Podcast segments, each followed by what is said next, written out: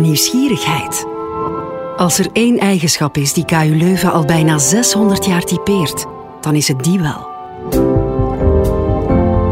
De onbedwingbare drang om de wereld te begrijpen. Geen gedachte wordt daarbij geweerd. Geen piste is taboe. Soms vinden onze onderzoekers antwoorden op vragen die ze zich niet eens stelden. Soms oplossingen voor onbekende problemen. Zo blijven ze zichzelf en de wereld verbazen. KU Leuven zet in op grensverleggend onderzoek. Dat leidt tot innovaties, tot ontdekkingen waar de maatschappij beter van wordt, tot inzichten en tot verhalen. Die vertellen onze wetenschappers zelf in deze podcast. KU Leuven Sonor. Wetenschap is vaak gebaseerd op cijfers, op statistieken, op theorieën. Vaak is ze hard, de wetenschap. Maar soms gaat onderzoek ook over het leven dat ons omringt. In een ruimte waar moleculen en planten elkaar vinden. En precies daar bevindt zich het onderzoeksveld van professor Philippe Roland. Ik ben Philippe Roland. Ik ben een bioloog, een moleculaire bioloog aan de KU Leuven. En hij is de directeur van het KU Leuven Plantinstituut. Dit alles komt voort uit een groot maatschappelijk engagement. Ik denk dat alle wetenschappers activist zouden moeten zijn, of tenminste actief moeten bijdragen aan maatschappelijk debat. Want plantwetenschappen vormen wel degelijk een deel van de oplossing, zowel voor onze planeet als voor ons mentaal welzijn. Ook al beseffen we dat nog niet genoeg. Ik denk dat mensen heel vaak wat we dan noemen plantenblind zijn. Planten zijn ook overal. 80% van al de biomassa op onze planeet is eigenlijk geproduceerd door planten, dus dat is fenomenaal. En misschien net daarom dat planten vaak vanzelfsprekend zijn voor mensen en daardoor minder aandacht krijgen. Hoog tijd dus om de plantwetenschappen de eer te geven die ze verdienen.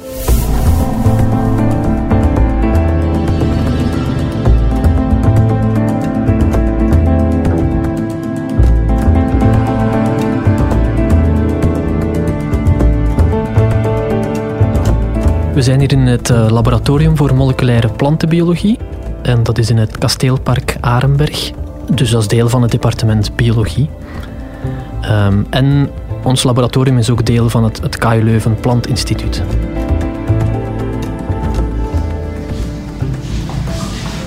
En dit is dan ons, onze moleculair biologielab. Hè. Zoals je ziet, een, vrij klassiek lab, zoals een lab er typisch uitziet. Heel veel oplossingen, pipetten, verschillende werkbanken. Dus elke student, elke doctoraatstudent heeft zijn eigen werkbank voor zijn onderzoek. Ik heb ook mijn eigen persoonlijke werkbank, zoals je kan zien. We hebben hier ook een, een zuurkast. Hè. Dus het lawaai dat je hoort komt ook van die zuurkast, waar eigenlijk uh, volatiele stoffen eigenlijk worden afgezogen en worden gefilterd voor ze de natuur ingaan. Uh, ook een aantal vriezers waar allemaal enzymen in zitten. Dat zijn eiwitten die we gebruiken om DNA te knippen en te plakken, om recombinant DNA te maken. Dus die zitten allemaal klaar in de vriezer. Ook... Ons eigen lab onderzoekt eigenlijk hoe planten uh, bij diverse stresscondities hun energieniveau kunnen op peil houden. Door bijvoorbeeld hun metabolisme of hun groei aan te passen. En we doen dat onderzoek echt op celniveau. Dus we bestuderen eiwitten die in plantencellen functioneren als een soort van brandstofmeter, energiesensor. En die daardoor dan allerhande processen gaan controleren. En wat interessant is, is dat diezelfde eiwitten ook uh, aanwezig zijn in dieren, in schimmels. Maar wij doen dus met andere woorden heel fundamenteel onderzoek en moleculair celbiologisch onderzoek met een, met een modelplantje. Arabidopsis is eigenlijk het plantje dat wij bestuderen. Een soort modelsysteem dat verder geen economisch, economisch belang heeft. Maar we zijn dus binnen het instituut eigenlijk een heel klein laboratorium. We hebben maar drie doctoraatstudenten met een beperkt budget ook, maar we zijn heel gemotiveerd en heel gefocust. Hey, ik ben Ellen Broeke en momenteel zit ik in mijn tweede jaar van mijn doctoraat in de Plant Metabolic Signaling Groep van Philippe, eh, waarin ik onderzoek doe naar de regulatie van de plantenergiesensor SNURC1. Eh, de eerste keer dat ik Philippe ontmoet heb was in de les plantfysiologie. En ik herinner me nog dat hij tijdens een van de eerste lessen enkele Arabidopsis mutante plantjes had meegenomen. Enkel en alleen zodat we enkele fenotypes konden observeren met onze eigen ogen. En dat is toch iets dat ik niet elke prof zie doen.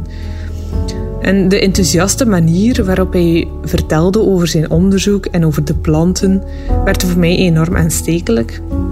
En dat was voor mij ook een aanzet om onderzoek in de plantenwereld te verkennen. Um, ik, was toen ook super enthousiast om twee jaar later mijn masterthesis in zijn labo te kunnen uitvoeren. En ja, dat was een erg positieve ervaring met het resultaat dat ik nu bezig ben met een doctoraat in zijn labo. Uit de vorige jaren heb ik wel ondervonden dat je als onderzoeker heel vaak te maken hebt met negatieve resultaten of tegenslagen. Het loopt niet altijd zoals verwacht. En Philippe is dan de persoon die echt helpt om je enthousiasme te behouden voor het onderzoek. En hij ziet altijd iets positiefs. Ehm, wat toch een enorm belangrijke eigenschap is als onderzoeker, maar ook in het dagelijkse leven, dat je jezelf niet zo snel van de kaart laat brengen en echt blijft doorzetten. Het werk dat ik hier vaak doe, is eigenlijk uh, ja, met heel kleine volumes werken, hè, met die kleine microcentrifugeerbuisjes. Met heel kleine volumes die we dan pipetteren met van die pipetten. En dus dan kan je zo'n pipettipje nemen, heel kleine volumes, microliters, gaan uh, samenvoegen. Dan gebeuren er reacties die dan je DNA bijvoorbeeld uh, gaan knippen en plakken. En heel vaak moeten we dan het product daarvan uh, gaan centrifugeren, dus aan hoge snelheid gaan, gaan roteren om, om DNA bijvoorbeeld te gaan isoleren. Dus dan steken we dat heel vaak in zo'n centrifuge. Dus die centrifuges die draaien bij heel hoge snelheden. Hè. Dat is 14, 15.000 toeren per minuut. En dat is eigenlijk een basis kleine centrifuge. Beneden in de kelder staat ook een ultracentrifuge, waar snelheden van 60 tot 80 toeren per minuut worden gehaald. Dus dat zijn enorme krachten om eigenlijk vloeistoffen dan te, te precipiteren.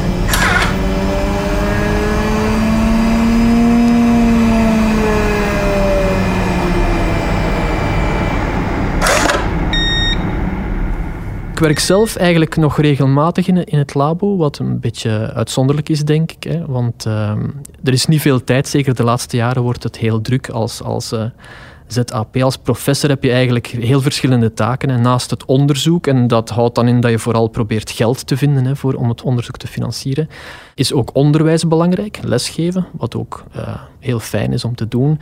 En ten derde ook dienstverlening. Ik ben betrokken bij het LPI nu als directeur. Ik ben ook programmadirecteur voor de opleiding biologie, de bachelor en de master. Um, ik zit ook in het Metaforum, de denktank van KU Leuven. Dus heel wat activiteit. En zoals alle collega's in heel veel commissies en comité's. Dus uh, heel veel tijd is er niet. Maar ik probeer toch nog vaak in het labo te werken. En ik ben heel nauw betrokken bij, bij al het onderzoek van de doctoraatstudenten en de, de master- en bachelorstudenten zelfs. Als ik een, een, experimentje uitvoer en een experiment mislukt, dan, uh, dan durf ik ook wel eens in het weekend komen werken in het laboratorium. Want het is heel moeilijk om een mislukt experiment te laten liggen. Dus uh, dat gebeurt wel eens dat we hier in het weekend ook uh, aan het experimenteren zijn. Ja, dat is eigenlijk mijn tweede thuis hier, het laboratorium. Hè.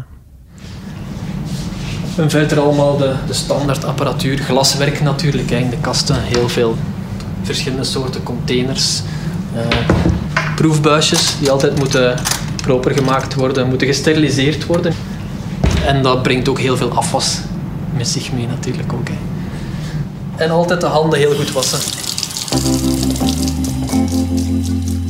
Ja, werken in een labo is natuurlijk fijn omdat je eigenlijk constant bezig bent met nieuwe dingen te ontwikkelen en nieuwe dingen te ontdekken. Dus dingen die niemand anders ooit gedaan heeft of gezien heeft of ontdekt heeft. Dat geeft een kick, dat is heel, heel fijn.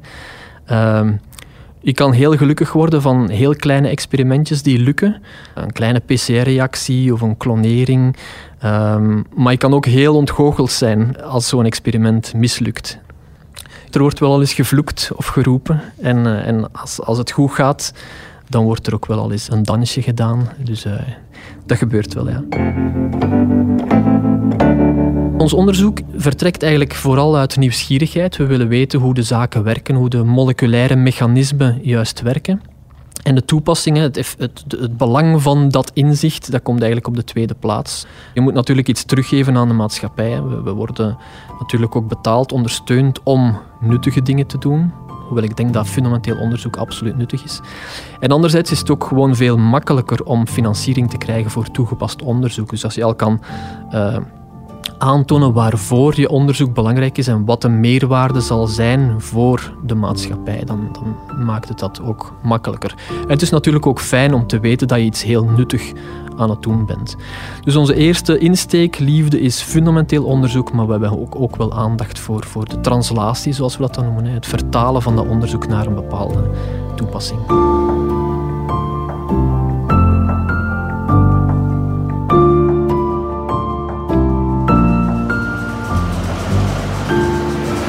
Dit is een heel belangrijk lokaal in ons laboratorium. Hier worden de planten gekweekt in speciale klimaatkasten, waar de temperatuur, de lichtintensiteit, de daglengte gecontroleerd wordt.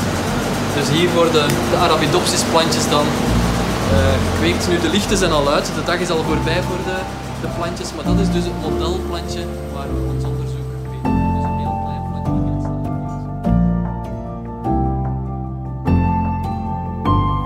Arabidopsis, dat is een modelplantje, een modelsysteem, zo de labrat eigenlijk, hè, voor plantkundig onderzoek. Dat is een heel klein plantje, dat wordt maar 30 centimeter hoog als het bloeit, maar het groeit heel snel in vergelijking met andere planten. Het produceert heel veel zaad in vergelijking met andere planten. En het heeft ook een heel eenvoudig en klein genoom. Dus de DNA-code is relatief klein. Dus genetisch onderzoek is heel makkelijk. Het groeit vrij makkelijk en snel. Dus je kan makkelijk uh, veel zaad oogsten en bij het maken van transgene planten en genetisch onderzoek is dat natuurlijk belangrijk.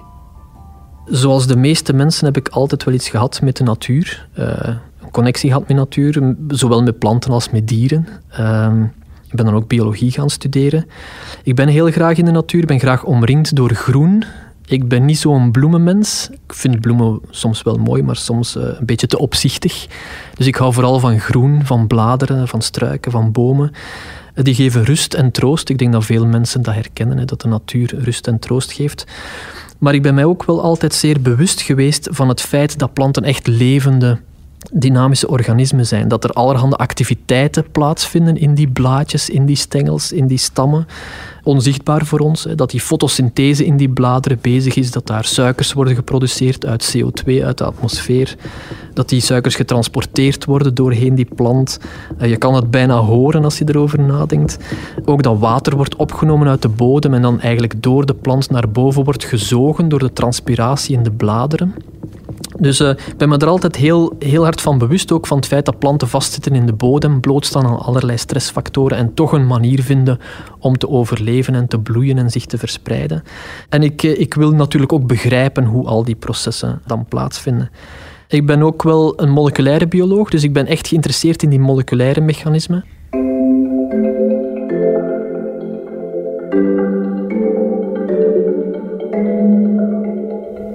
Ik ben eigenlijk heel benieuwd naar hoe dat allemaal werkt. Er is natuurlijk een, een link met onszelf. Hè. De cellen in ons lichaam lijken heel sterk op de cellen van schimmels, van dieren, van andere dieren, maar ook van planten. Planten zijn natuurlijk een beetje verschillend. Hè. Ze doen aan fotosynthese, maar fundamentele processen zijn heel gelijkaardig. En die diversiteit is natuurlijk spectaculair. Hè. Hoe de evolutie al die organismen op verschillende op verschillende manieren heeft geselecteerd eigenlijk, maar toch fundamentele mechanismen heeft behouden. Dat, dat vind ik wel intrigerend. Hoe evolutie eigenlijk wel ervoor gezorgd heeft dat al die organismen perfect aangepast zijn of bijna perfect aangepast zijn aan hun omgeving. Dus dat de natuur goed werkt, maar anderzijds toch een beetje een, een rommelig proces is. Dus de evolutie is niet perfect, organismen zijn niet perfect planten kunnen voor bepaalde doeleinden, bijvoorbeeld voor voedselproductie, nog echt geoptimaliseerd worden. Uh, dat zijn dingen die me echt wel intrigeren.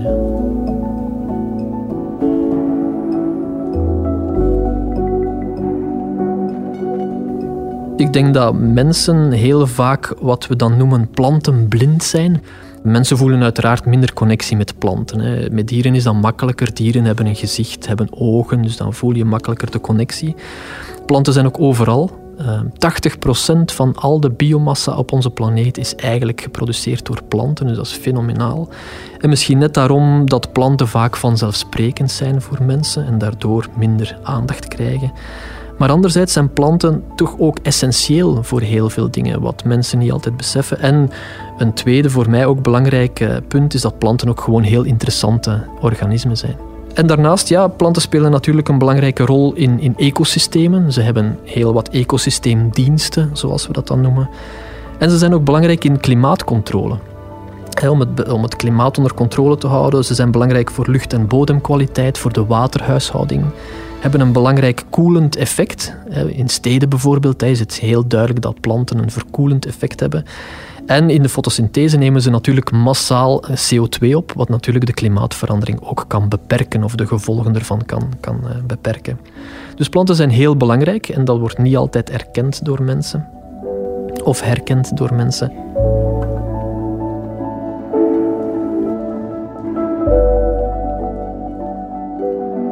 Kunnen mensen iets leren van planten? Er zijn wel wat analogieën te vinden, denk ik. Uh, uit ons eigen onderzoek weten we dat bijvoorbeeld bij stress, bij lage energie, de planten vaak even stoppen met groeien. Uh, ze stoppen met hun activiteiten. Ze gaan eigenlijk gaan herbronnen en hun prioriteiten gaan stellen. En ze gaan zich focussen op de meest essentiële processen om te gaan overleven. Tot de, de condities terug wat beter worden. Dus dat is denk ik wel iets wat we kunnen leren van planten. Niet constant doorgaan, maar af en toe eens stoppen en uh, prioriteiten stellen. Uh, planten volgen ook heel strikt een biologische klok om optimaal te kunnen functioneren. Dus dat is ook iets dat we denk ik kunnen leren, onze biologische klok wat respecteren, wat beter volgen. En dus niet tot een stuk in de nacht naar Netflix kijken. En planten zijn ook heel flexibel. Hè waar we misschien ook iets kunnen van leren. Ze heroriënteren echt soms letterlijk hun groei en ontwikkelingen. Ze groeien naar het licht. Dus uh, als er opportuniteiten zijn om hun leven te verbeteren, dan nemen ze ook die, die kans. Uh, wij zijn daarin eigenlijk vrijer, maar we nemen die beslissing soms niet. En planten zoeken altijd naar de beste omstandigheden. Ik denk dat het duidelijk is dat groen uh, rust geeft en, en, troost biedt ook aan mensen. Belangrijk voor ons mentale welzijn. Los van het feit dat bomen in een stad bijvoorbeeld ook luchtzuiverend kunnen zijn en een verkoelend effect hebben, is de aanwezigheid van groen, de aanwezigheid van planten gewoon ook rustgevend. Goed voor ons mentaal welzijn. Dus natuur in de stad is belangrijk, maar ook bossen zijn heel belangrijk. En vooral oude bossen zijn heel belangrijk. Die zijn ook efficiënter in, in het uh, capteren van koolstofdioxide, in het verkoelen van de omgeving.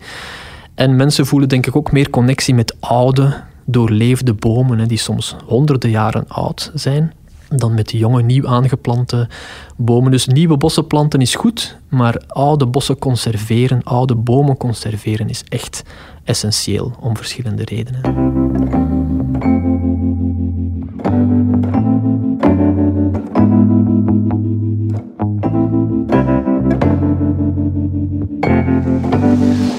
Dus hier zijn we op een andere campus, maar ook dicht bij het Kasteelpark. Um, de campus waar ook de universitaire serres zijn. Uh, en ja, het is avond, dus je kan de serres heel mooi zien oplichten. Hè, want heel veel van de planten die daar groeien hebben langere dagen nodig. Je ziet daar de, de bananen, de bananenplanten groeien. die serre is uh, vrij warm en heel vochtig, dus er wordt ook constant uh, vocht gesproeid hè, om die serre in de juiste condities te houden. Dus Leuven heeft een heel lange traditie in het veredelen van banaan en ook in het, conserveren van verschillende bananenvariëteiten. Leuven heeft de grootste collectie aan bananenvariëteiten ter wereld. En die worden allemaal eigenlijk bewaard als heel kleine plantjes in proefbuizen. En die worden ook in vloeibaar stikstof, dus bij heel lage temperaturen, bewaard. Dus dat is eigenlijk een databank of een collectie van variëteiten die door mensen uit de ganse wereld kunnen opgevraagd worden. Dus uh, uh, Leuven uh, dient eigenlijk als een soort van distributiecentrum voor bananenvariëteiten. Bijvoorbeeld re resistente variëteiten, resistent tegen bepaalde ziektes, die dan worden opgevraagd door onderzoekers of landbouwers uit andere, uit andere continenten uiteraard vooral. Dus Leuven is echt het bananenonderzoekscentrum eigenlijk van de wereld. Dus heel, heel diverse gewassen die hier groeien. Dus veel groter ook dan ons Arabidopsis plantje.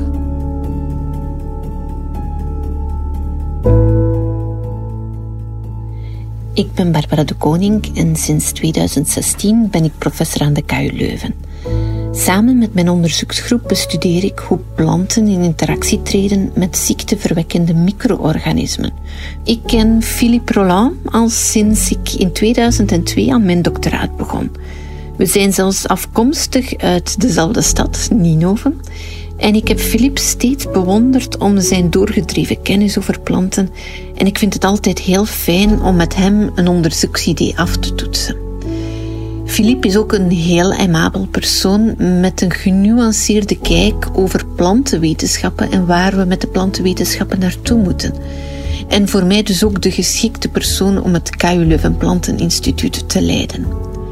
Met dit nieuwe instituut hebben we heel wat ambities en willen we plantenonderzoekers uit verschillende disciplines bij elkaar brengen om samen te werken aan de grote uitdagingen waarmee we geconfronteerd worden.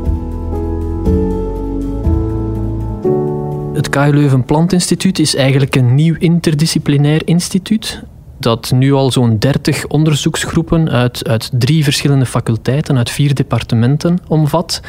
En dat is eigenlijk ook direct de, de slogan van ons instituut, gaande van moleculen tot ecosysteem en van proefbuis tot veld.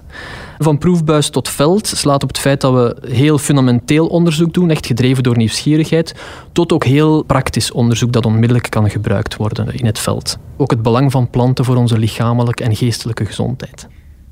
De doelstellingen van ons instituut zijn eigenlijk ontstaan uit twee soorten van motivaties. Dus enerzijds was er al heel lang bij de collega's een heel grote nood aan, aan meer samenwerking, interdisciplinaire samenwerking.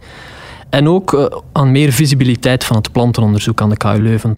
En anderzijds natuurlijk de grote uitdagingen waar onze maatschappij voor staat. Er is een groeiende wereldbevolking en ook een groeiende consumptie. En dat op een planeet die eigenlijk haar grenzen al een tijdje heeft bereikt.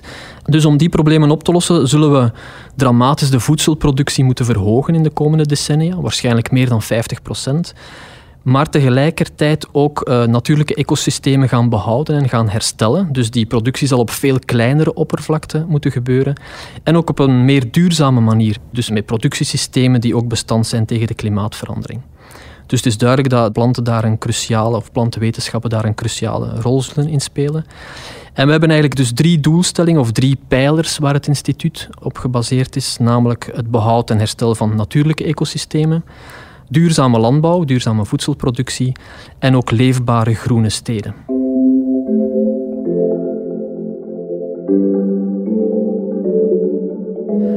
Gentechnologie is iets waar we natuurlijk ook mee bezig zijn in, in ons eigen onderzoek. In ons fundamenteel onderzoek gebruiken we continu gentechnologie, het maken van recombinant DNA. Ook de mogelijke toepassingen van ons onderzoek. Eh, dat kan via klassieke veredeling, maar kan ook perfect via het maken van genetisch gemodificeerde planten. Maar daarnaast ben ik ook actief in het Metaforum. Dat is de denktank van de KU Leuven die verschillende werkgroepen heeft die nadenken over verschillende onderwerpen die maatschappelijk belangrijk zijn. Onder andere voedselproductie, onder andere gentechnologie. Een aantal jaar geleden mocht ik een werkgroep coördineren die nadacht rond GGO's, genetisch gemodificeerde organismen in onze voedselproductie. Dat is natuurlijk een heel complex onderwerp en, en, niemand is echt expert in al die aspecten van, van het onderwerp. Dus het is heel belangrijk om daar multidisciplinair met heel veel verschillende experts over na te denken. Dus wij hebben zeker ook nagedacht over de gevolgen voor de ecologie de socio-economische impact van genetisch gemodificeerde organismen en natuurlijk de ethische aspecten van gentechnologie. Dus die komen allemaal aan bod. We hebben toen een visietekst geschreven met het doel om een, een genuanceerde bijdrage eigenlijk te geven. Eigenlijk bestaat biotechnologie al heel lang. Bij het ontstaan van de landbouw, meer dan 10.000 jaar geleden, deden we eigenlijk al aan biotechnologie. En maakten we gebruik van de natuurlijke variatie in de natuur en ook kruisen van planten van dezelfde soort, hè, want dat is de definitie van een soort. Hè, dus een, de kruisbare of de productie van, van uh, vruchtbare nakomelingen van twee soortgenoten. Daarna, in de vorige eeuw, is de mutatieveredeling gekomen, waarbij mensen dus gingen willekeurig muteren en dan die variatie gaan gebruiken om interessante kenmerken te, te gaan isoleren. Dan kwam de gentechnologie, de transgene veredeling, en daar is natuurlijk het meeste debat over ontstaan. Dat is natuurlijk heel belangrijk, omdat de soortbarrière toen doorbroken is. Je kan perfect een DNA-sequentie uit één organisme overplanten in een ander organisme. Dus er is geen soortbarrière meer. Je hoeft niet meer te kruisen. Ze hoeven niet meer seksueel compatibel te zijn, de twee organismen. De gentechnologie is natuurlijk ook heel snel, heel doelgericht. Dus die technologie was heel succesvol, is heel snel geadopteerd in de landbouw, geïmplementeerd in de landbouw.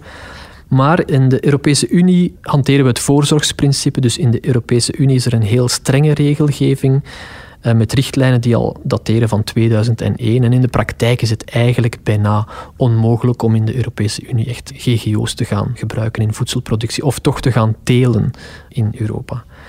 En dan heel recent, en dat is echt iets van de laatste jaren, hebben we de precisieveredeling, de nieuwste technieken, die volgens mij wel een soort van gamechanger zijn, die de discussie ook helemaal veranderen, omdat dat heel precieze technologieën zijn.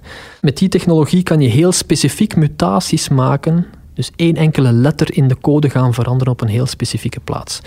En dat soort mutaties zijn, voor zover we weten, eigenlijk niet te onderscheiden van spontane mutaties die continu in de natuur ontstaan.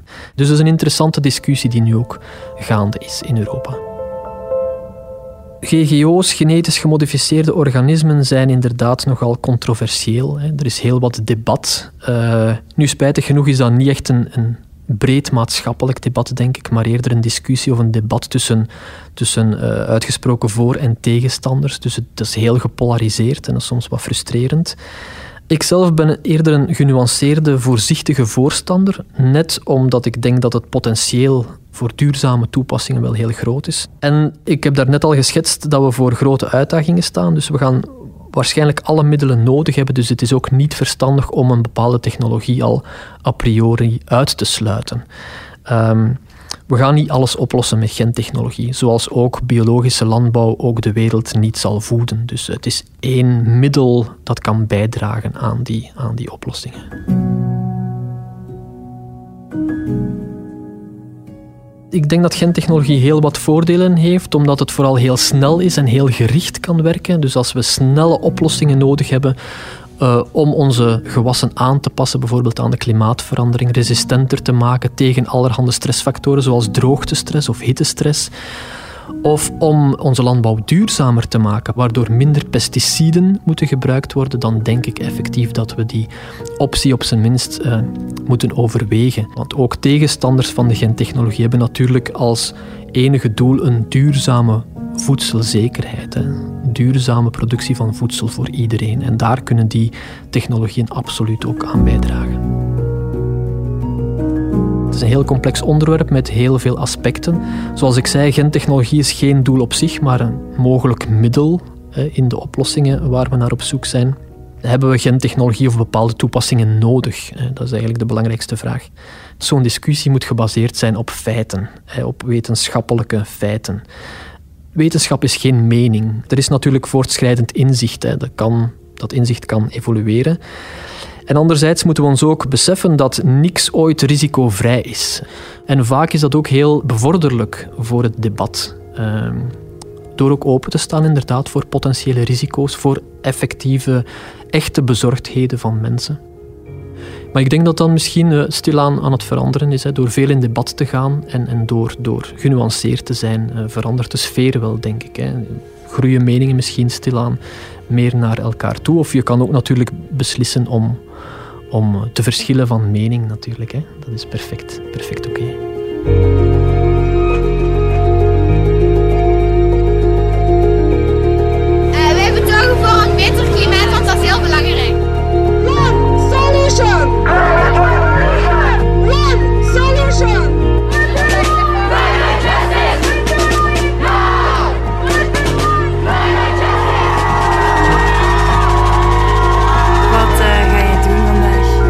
Klimaatmarkt in Brussel. Om uh, mijn stem te laten horen voor, de, het klimaat.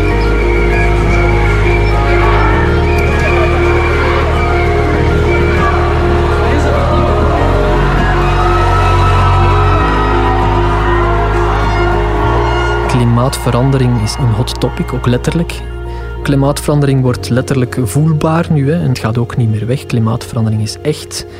Dus de gevolgen zijn, eh, hebben we gezien, mogelijk dramatisch. Uh, een positief aspect is natuurlijk dat er nu geen twijfel meer bestaat. Dat de, de motivatie er nu hopelijk is voor actie. Het moet nu gebeuren. Anderzijds ben ik ook wel een beetje bezorgd, uh, want we gaan grondig moeten ingrijpen. Het zal geld kosten, het zal niet pijnloos zijn. Dus er zullen harde beleidsmaatregelen moeten getroffen worden. En ik ben bezorgd dat de maatregelen niet voldoende zouden kunnen zijn. We gaan de uitstoot moeten verminderen. De landbouwoppervlak zal verder moeten verminderen om ruimte te geven aan de natuur en tegelijkertijd moeten we de opbrengst verhogen op een meer duurzame manier. Dus dat zijn heel belangrijke uitdagingen. Er zijn ook maatregelen die direct enorme effecten kunnen hebben. Een shift bijvoorbeeld van voederproductie naar voedselproductie. Plantaardige voeding is veel duurzamer. 75% van ons landbouwoppervlak wordt gebruikt voor de productie van dierlijke voeding. Dus het verminderen van vlees eten heeft een, een dramatische impact onmiddellijk. En iets wat we eigenlijk vrij eenvoudig kunnen doen. Maar er zijn natuurlijk ook veeboeren hè, die, die daarvoor moeten gecompenseerd worden. Ehm, er zijn een aantal belangrijke strategieën die zich beginnen af te tekenen. Bijvoorbeeld lijkt het interessant om de vrije natuur te gaan scheiden van intensieve landbouw, om die twee echt te gaan scheiden van elkaar, mogelijk met een bufferzone. Dus eerder dan de kaart te trekken van agro-ecologie en onze landbouw zo divers mogelijk te maken, is het mogelijk interessanter om echt heel intensieve landbouw op een kleine oppervlakte te beoefenen en voedselproductie te voorzien en dan een groot deel van de oppervlakte eigenlijk uh, te laten aan de natuur. Het idee is om 50% van de planeet eigenlijk volledig over te laten aan de, aan de vrije natuur. En daarnaast natuurlijk zullen steden ook een belangrijke plaats worden voor de mens om te wonen. En dan zal stedelijk groen ook een heel belangrijke rol spelen.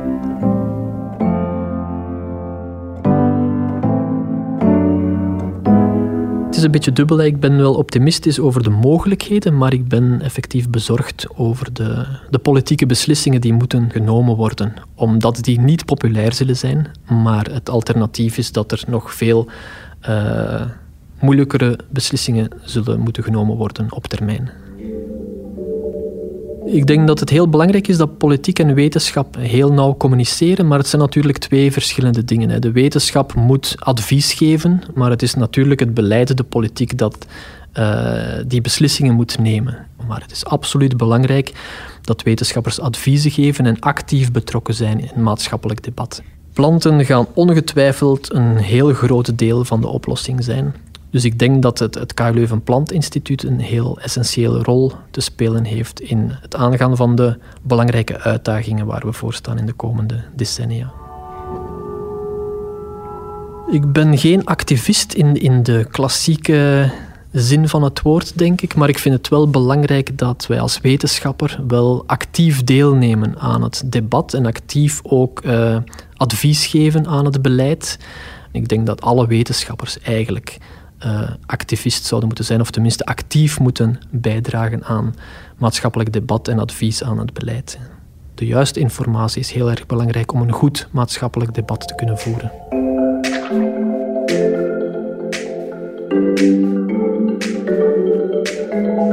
Ik denk dat de uitdagingen waar we voor staan dus echt significant zijn, heel groot zijn. Maar ik denk ook dat er heel veel mogelijkheden zijn voor oplossingen en dat er heel veel opportuniteiten zijn. Dus dat het een uitdaging is eerder dan een probleem. Ik zou ook nog willen benadrukken dat fundamenteel onderzoek en ook basisfinanciering voor fundamenteel onderzoek ook absoluut essentieel is uh, voor vernieuwende ideeën en oplossingen. Dus je moet vertrekken van fundamenteel onderzoek. En tenslotte denk ik een belangrijke boodschap is dat de wereld niet zwart-wit is. Uh, dus dat nuance heel belangrijk is. Dus een, een pleidooi voor nuance, daar zou ik graag mee willen afsluiten dan.